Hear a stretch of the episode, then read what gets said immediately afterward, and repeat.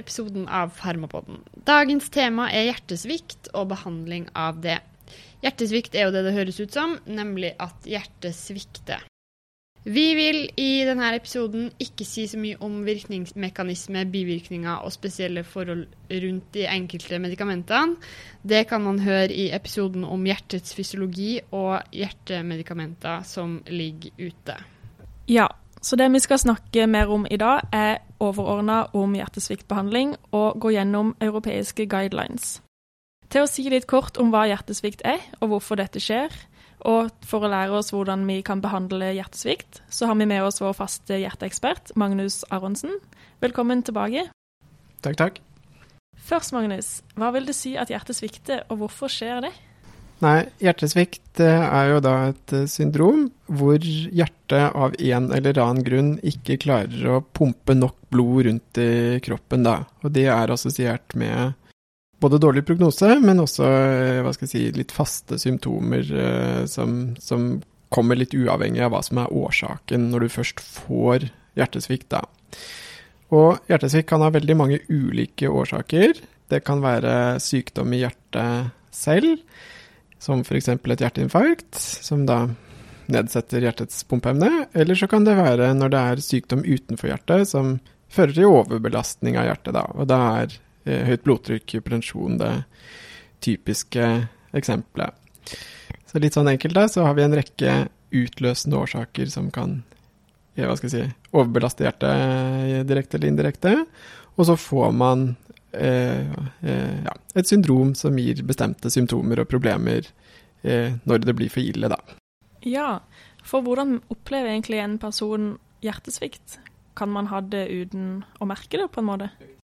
Ja, altså diagnosen her krever både objektive funn, da, som eh, forstørret hjerte og dårlig pumpeevne og sånn på ultralyd, og så skal du ha symptomer, da.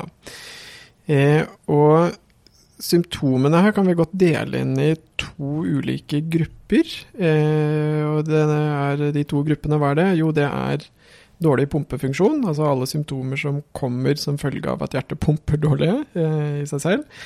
Og eh, det andre da er alle symptomer som eh, har med arytmier. For det syns jeg er litt viktig at vi husker, at hjertesvikt er i veldig stor grad assosiert med arytmier. Så hvis vi skal si litt om de to sånn helt fort, så er problemet ved hjertesvikt at man får nedsatt pumpefunksjon. Og det kan gi seg eh, utslag i at man får stuvning av væske. Det blir masse væske som hoper seg opp på venesiden fordi hjertet ikke klarer å pumpe det videre. Og det gir jo hovne bein, det gir tung pust pga. væske i lungen osv. Og så er det også at eh, ja da, eh, da får jo ikke muskler og annet eh, ordentlig med blodforsyning og arterieblod, så da får man jo dårlig fysisk pumpeevne, da. Det er de klassiske symptomene. Og så var det det med arytmier, da. Her tror jeg vi sier at hjertesykdomspasienter har ekstremt høy risiko for arytmier pga. de ulike biologiske endringene som skjer ved hjertesvikt. Da.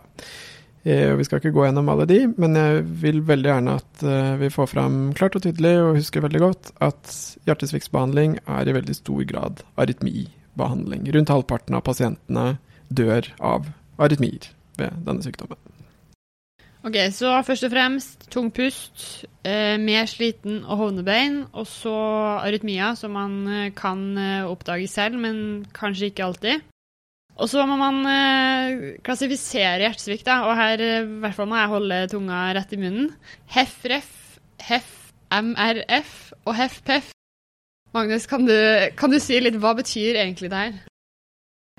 ja, dette er ikke lett å eh, holde helt på stell. Men uh, først og fremst så vil jeg nå si at dette er rett og slett kliniske inndelinger basert på ejeksjonsfraksjon. Og det aller viktigste er at vi får fram at det er to ulike hovedgrupper av hjertesvikt. Alle pasientene kan deles inn i én av to hovedgrupper. Og det, hvilken gruppe man er i, det bestemmer behandlingen som vi skal se på etterpå. Så La oss nå si den første hovedgruppen, og det er de pasientene som har det du sier HEF-REF. Hva er det for noe? HEF, er jo heart failure. REF, redusert ejeksjonsfraksjon. Så HEF-REF er altså pasienter som har hjertesvikt, og så har de en tilleggsting. Jo, de har redusert ejeksjonsfraksjon på ultralyd. Og hva er ejeksjonsfraksjonen? Det kan vi jo bare minne oss selv på. Det er jo hvor stor andel av blodet i venstre ventrikkel som pumpes ut ved et slag. Og når du da har lav ejeksjonsfraksjon, så vil det si at hjertet pumper ut lite av blodet ved hvert slag, og det er de som liksom er HEF-REF, da. Klinisk da, så setter vi som regel, eller som regel, eh, vi setter en cutoff på 40% så alle pasienter som har ereksjonsfraksjon på under 40% de har altså lav ereksjonsfraksjon, og da, hvis de har hjertesvikt med ereksjonsfraksjon under 40, så har de altså HEF-REF. Og det er den ene hovedgruppen. Den andre hovedgruppen, nå brukte jo du HEF-MRF og HEF-PEF, og her gjelder det å holde tunga rett i munnen, og det er egentlig ikke viktig i det hele tatt. Men bare for å si det, eh, man ser det jo i bøker osv. Ok, R-en var redusert. P-en, HEF-PEF, det vil si preservert, eller normalt, eller bevart, altså engelsk for preserved, og det vil si auksjonsfraksjon over 50% som da skal behandles på en annen måte.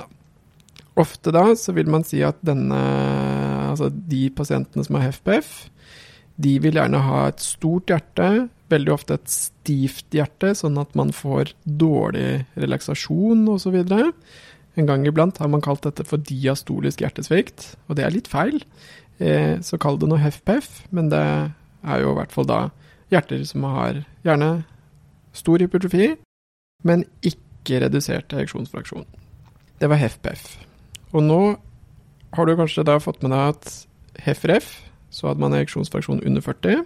HFPF, så hadde man ereksjonsfraksjon over 50.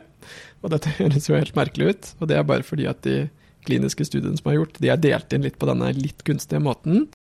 Så da, hva i all verden gjør vi da med de pasientene som har ereksjonsfraksjon mellom 40 og 50% og har fått det litt uheldige og kjedelige navnet HEF-MRF, altså medium redusert. Og da er uh, en liten beskjed her bare sleng de inn i HEF-PEF-gruppa sånn behandlingsmessig. Så uh, mye babbel og kort omsummering. To hovedgrupper av hjertesviktspasienter. De som har lav ejeksjonsfraksjon, HEF-REF, og de som har normal, eller i hvert fall nesten normal ejeksjonsfraksjon, HEF-PEF. Det er godt du sier at vi ikke trenger å gjøre det mer komplisert enn det allerede er. Helt enig. Eh, men er det noe forskjell på hvilke sykdommer som gir de ulike tilstandene, Magnus? Ja, det er kanskje det mer interessante i dette. Eh, prototypen på en HEFREF-pasient, det er en mann med hjerteinfarkt. Eh, det er litt fordi at det er litt kjønnsforskjeller. Menn får oftere HEFREF enn kvinner, og kvinner får ofte, litt oftere HEFPEF enn menn. Og hjerteinfarkt er som sagt, det er ganske assosiert med HEF-REF. Mens f.eks. høyt blodtrykk og mm, metabolske ting, diabetes osv., er i større grad assosiert med HEF-PEF, som en sånn huskeregel som ikke, absolutt ikke er perfekt. Eh, så vi deler altså inn hjertesvikt i tre kategorier. HEF-REF, HEF-MRF og HEF-PEF. Men eh, som du sa, så kan vi droppe den eh, i midten, da, for å gjøre det litt enklere. Men vi har altså kun behandling mot HEF-REF. Ja, vi skal nyansere det lite grann, men eh, som vi snart kommer til, så snakker vi om symptomlindring. Eh, og det kan man gjøre ved begge sykdommer. Men den andre delen, altså livsforlengende behandling, det fins faktisk bare for HEF-REF. Og da er det verdt å si at begge sykdommer har dårlig prognose. Og mens vi har livsforlengende behandling, som vi snart kan snakke om mot HEF-REF, så har vi fint lite dokumenterte legemidler som virker livsforlengende ved HEF-PEF. Og det er, hvis jeg får legge til noe personlig, det er et stort mangel i indremedisinen at vi ikke har det. Så, så det, det, er et problem i medisinen, rett og slett. Ok, Men som den eh, farmapoden vi er, da, så må vi peile oss litt mer inn på denne behandlinga. Sånn overordna hjertetvikkbehandling, hva går den ut på? Helt overordnet så er det tre eh, hovedbehandlinger mot hjertesvikt. Og eh, da er det greit å huske de tre, som vi skal snakke om litt hver for seg. Men de tre er altså legemidler som forlenger liv og bedre prognosen. Og det er altså legemidler som eh, motvirker de berømte nevrohumorale signalveiene som vi skal snakke om. Mystisk ord, men veldig enkelt prinsipp, egentlig. Del to er eh, symptomatisk behandling som motvirker plager eh, hos pasientene. Ofte, Det er jo diuretika vi snakker om da. da. Og så er gruppe tre at vi må være litt bevisst på antiarytmiske legemidler fordi det er så mange pasienter som da har arytmier. Så det er de tre hovedkonseptene, da.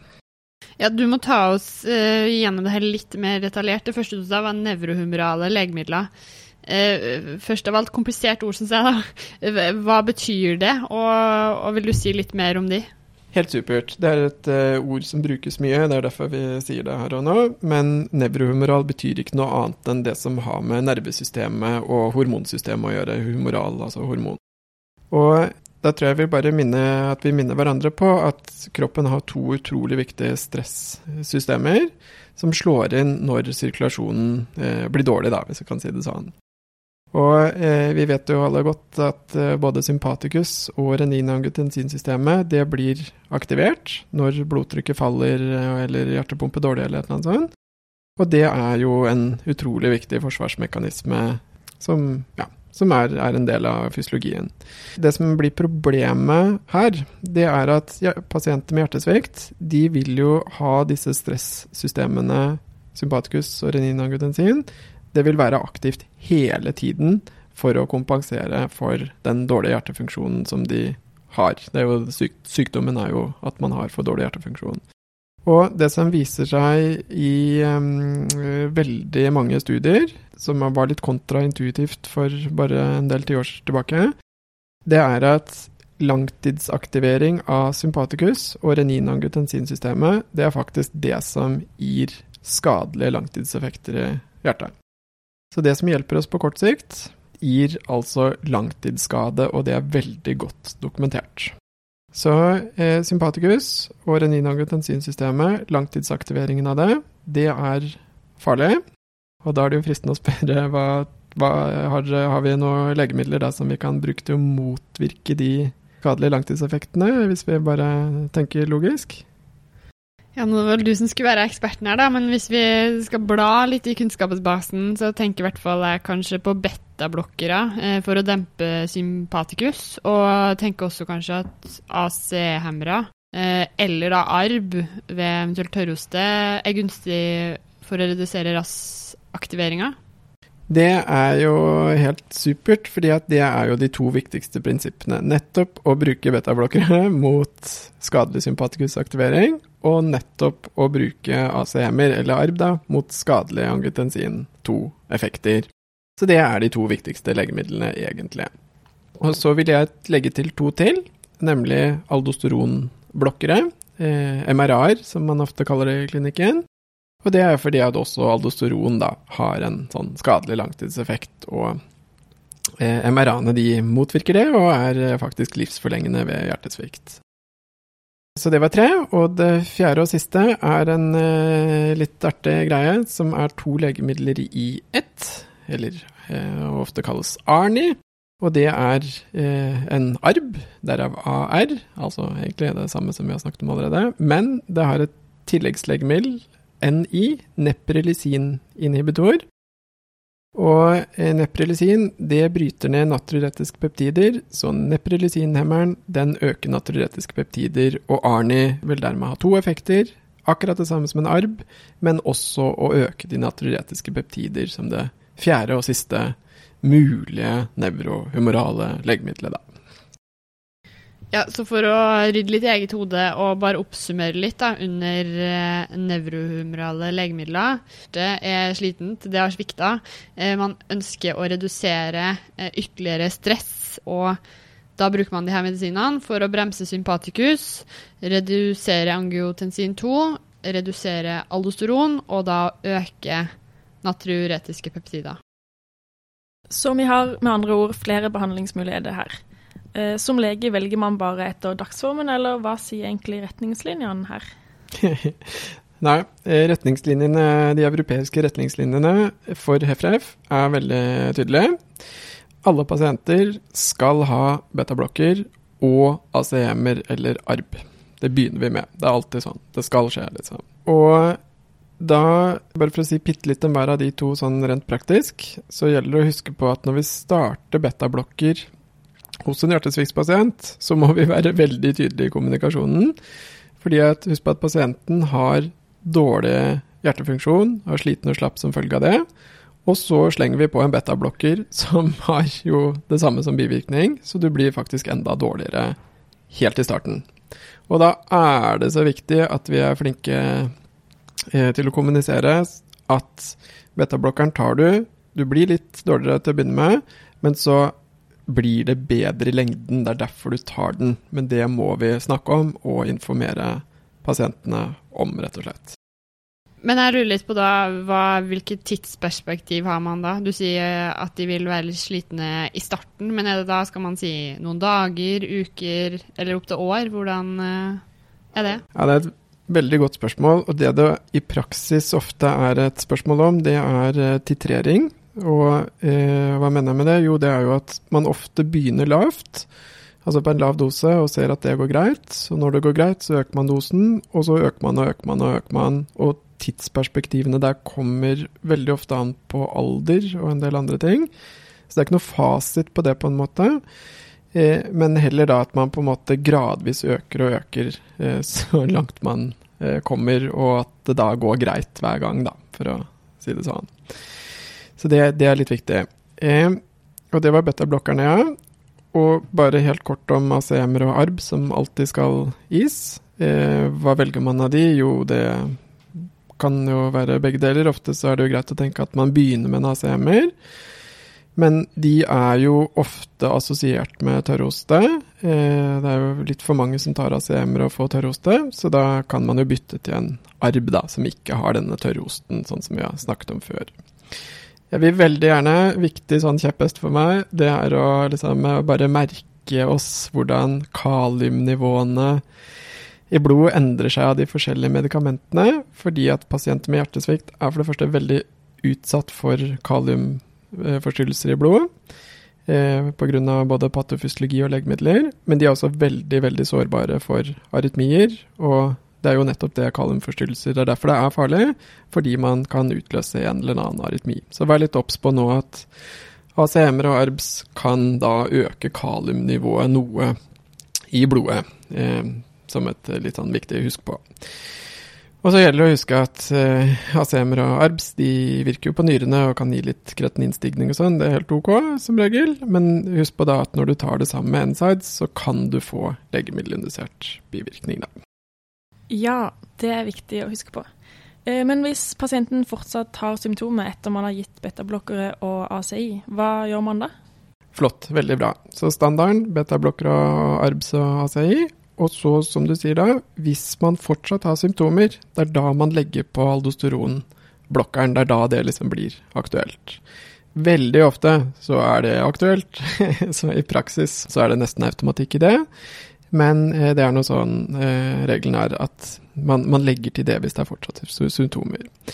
Og så kommer det fjerde og siste valget. Ja, hva gjør man da hvis ikke det heller gjør oss i mål med symptomer? Og det er da disse arniene kan være aktuelle. Og Hvis jeg derfor være litt pragmatisk, så gjelder det å huske at når du tar ACM-er, betablokker og aldosteronblokker, og så skal du ha en ARNI, da må man jo nesten slutte med et av legemidlene. Nettopp da en ACM-er eller ARB, fordi at den er jo allerede en del av ARNI-en, da, som en sånn liten praktisk liten sak. Ja, eh, så hvis jeg har forstått det riktig, så skal alle med hjertesvikt ha betablokkere og ACI eller da ARB hvis man har tørrhoste. Og hvis man ikke kommer i mål eh, med det, så legger man til en aldosteronblokker. Og hvis man fortsatt ikke er i mål da heller, så bytter man ut ACI med Arni, som da er et kombinasjonspreparat med ARB og neprilysinhemmer. Helt supert. OK. Vi går videre til punkt nummer to under hjertesviktbehandling, nemlig symptomatisk behandling, som da kan eh, motvirke disse ødemene som mange får. Hvilke legemidler brukes mot dette? det er i praksis diuretika. Eh, fordi at problemet er for mye væske i kroppen, og man får stuvning i vennene og høyt trykk i vennene og sånn. Så da gir man som regel da slyngediuretika for å både få væsken ut av kroppen, og så dilatere venene bitte lite grann også. Men de symptomene som er fryktelig plagsomme, som skyldes stuvning og væskeopphopning i knoppen eh, hos disse det lindrer vi relativt enkelt og greit ved å bruke diuretika. Ja, du sa slyngdiuretika, men vi har også en til, da. Tiasida. Hvorfor velger man å ikke bruke de? Altså, det er jo faktisk mulig å bruke de, men eh, det viktige forskjellen på slynge og tiasider, det er at slyngediuretika har mye større vanndrivende effekt eh, pga. at de virker mer proksimalt. Da. Så det er rett og slett at de er kraftigere og bedre å bruke for pasienten, da, som regel. Ok, vi går videre til siste, tredje og siste gruppe, antiarytmika. Eh, hvorfor er det hensiktsmessig ved hjertesvikt, og hvordan utnytter man denne behandlinga? Ja, nå er jo antiarytmiske legemidler det er en ganske stor gruppe. Og det som er poenget her, det er at hjertesviktpasienter de har eksepsjonelt høy risiko for arytmier. Og Kanskje tre vanlige, de tre vanligste arytmiene er atrieflimmer, ventrikulære tachyarytmier, altså VT og VF, og så er det AV-blokker. Og nå skal ikke vi holde en forelesning om behandling av hver av de, eh, det kan man kanskje høre på eh, i en annen farmapod. Men eh, det som er litt viktig å huske, det er at noen legemidler skal man være litt forsiktig med når pasienten har kombinasjonen av arytmi og hjertesvikt. Og hva tenker jeg på der? Jo, det er jo da særlig dette med kalsiumkanalblokkere. Og det er særlig da natriumkanalblokkere som gjerne er framifrå antiarytmiske legemidler hos pasienter uten hjertesvikt, men som vi rett og slett har observert at gir skadelige langtidseffekter og dårligere prognose, faktisk, når pasienten tar det fast og har hjertesvikt og FRF. Hvorfor er det sånn? Nei, det er et veldig fint eh, og godt eh, spørsmål, og jeg blir litt svarskyldig. Jeg tror ikke man vet det i veldig stor grad, annet enn at man rett og slett har sett det i store, overbevisende kliniske studier, at, at pasientene får rett og slett dårligere prognose. Så, så vær veldig forsiktig med de. Eh, motsatt så er det jo noen eh, Så dermed så er det noen legemidler som da blir igjen eh, av de antirytmiske legemidlene. Og det er jo amiodarone eller cardarone er jo et typisk eksempel som da kanskje brukes litt ekstra mye hos pasienter med hjertesvikt, fordi alternativene som vi akkurat har snakket om, ikke er så sunne å bruke nødvendigvis. Så det er én ting å bare være bevisst på. Og det andre er jo at det er jo et veldig teoretisk spennende legemiddel, da, som eh, ble brukt veldig mye i gamle dager. Man kommer ikke unna digitalisfella. Den må alltid liksom Det er en favoritt blant dere forleter i hvert fall. Den må være med. ja, det er så gøy hvordan det virker, vet du. Men eh, da kan vi egentlig bare få med oss at det er i dag Altså det er veldig sjelden brukt, også her, men den eneste grunnen til at man kan bruke det i dag, er når pasienten har kombinasjonen av atrieflimmer og hjertesvikt. Da. Så det måtte jo trekke fram digitalsen nå. Så det var egentlig det å ta med der. Dette er jo spesialistbehandling, eh, absolutt, så, så, på en måte bare helt overordna konsepter. Og så vil jeg bare nevne at mange av disse legemidlene har så som så effekt, eh, i veldig ofte ganske mye bivirkninger. Eh, og er litt sånn så der.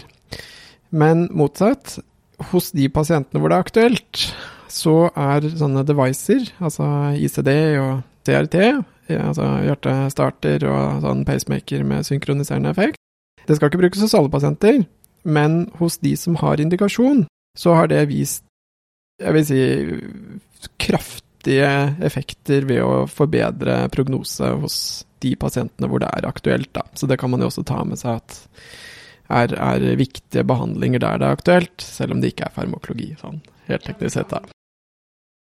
Og Den siste tingen jeg har lyst til å nevne, det er at vi kan få en del bivirkninger av legemidler på AV-knuten.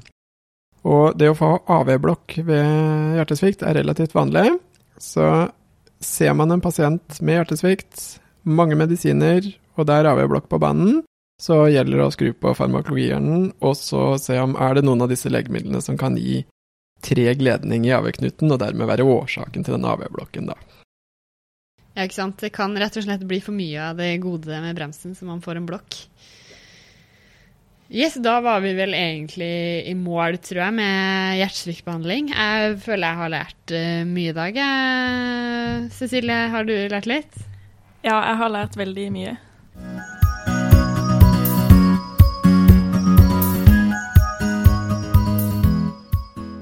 Jeg har jo litt lyst til å utfordre deg på tampen, da. Eh, en sånn liten eksamen. Vil du ta oss gjennom de viktigste punktene vi har lært av Magnus i dag? Ja, jeg kan prøve.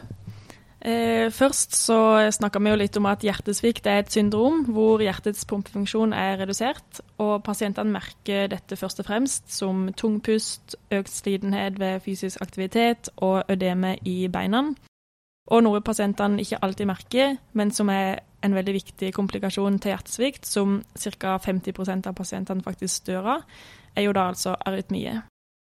Med tanke på behandling så deles hjertesvikt inn i to, HEFREF og HEFPEF, hvor kun HEFREF er den som kan behandles, nemlig der ejaksjonsfraksjonen er under 40% Og behandlingsprinsippet er delt i tre. Nummer én er nevrohumorale midler, som da skal redusere dette stresset på hjertet. Hvor alle skal ha betablokkere og ACI eller ARB. Og hvis pasienten fortsatt har symptomer, så legger man til en angiotensinblokker. Og hvis de fortsatt har symptomer, så kan man prøve den nye ARNI-medisinen. Eh, punkt nummer to var eh, symptomatisk behandling med slyngediuretika. Og punkt nummer tre er antiarytmika, hvor man eh, mye bruker amiodarone og eventuelt eh, digitalis, som egentlig kun brukes i dag hvis man har nettopp denne kombinasjonen av atrieflimmer og hjertesvikt. Og et viktig take home her var at eh, hjertesviktpasienter aldri skal ha kalsium- eller natriumkanalblokkere. Jeg er imponert. Du har uh, fulgt med godt i timen. Uh, Magnus, er du enig? Er Cecilie bestått eksamen? Eh, absolutt, og med beste karakter, vil jeg si. Det er godt å høre. Eh, Magnus, takk til deg, og takk for alt du har lært oss også i dag. Eh, du kommer jo tilbake igjen, du, og prater om, eh, mer om hjertet og også andre sykdommer og legemiddelgrupper. Dersom du som hører på har spørsmål til Magnus eller til oss, eh, eller har noen tilbakemeldinger på denne podkasten, så er det bare å sende en mail til farmapodden alfakrøllgmail.com. Du finner oss også på sosiale medier, Facebook og Instagram. Bare søk opp Farmapodden. Takk for at du lytta. Ha det bra!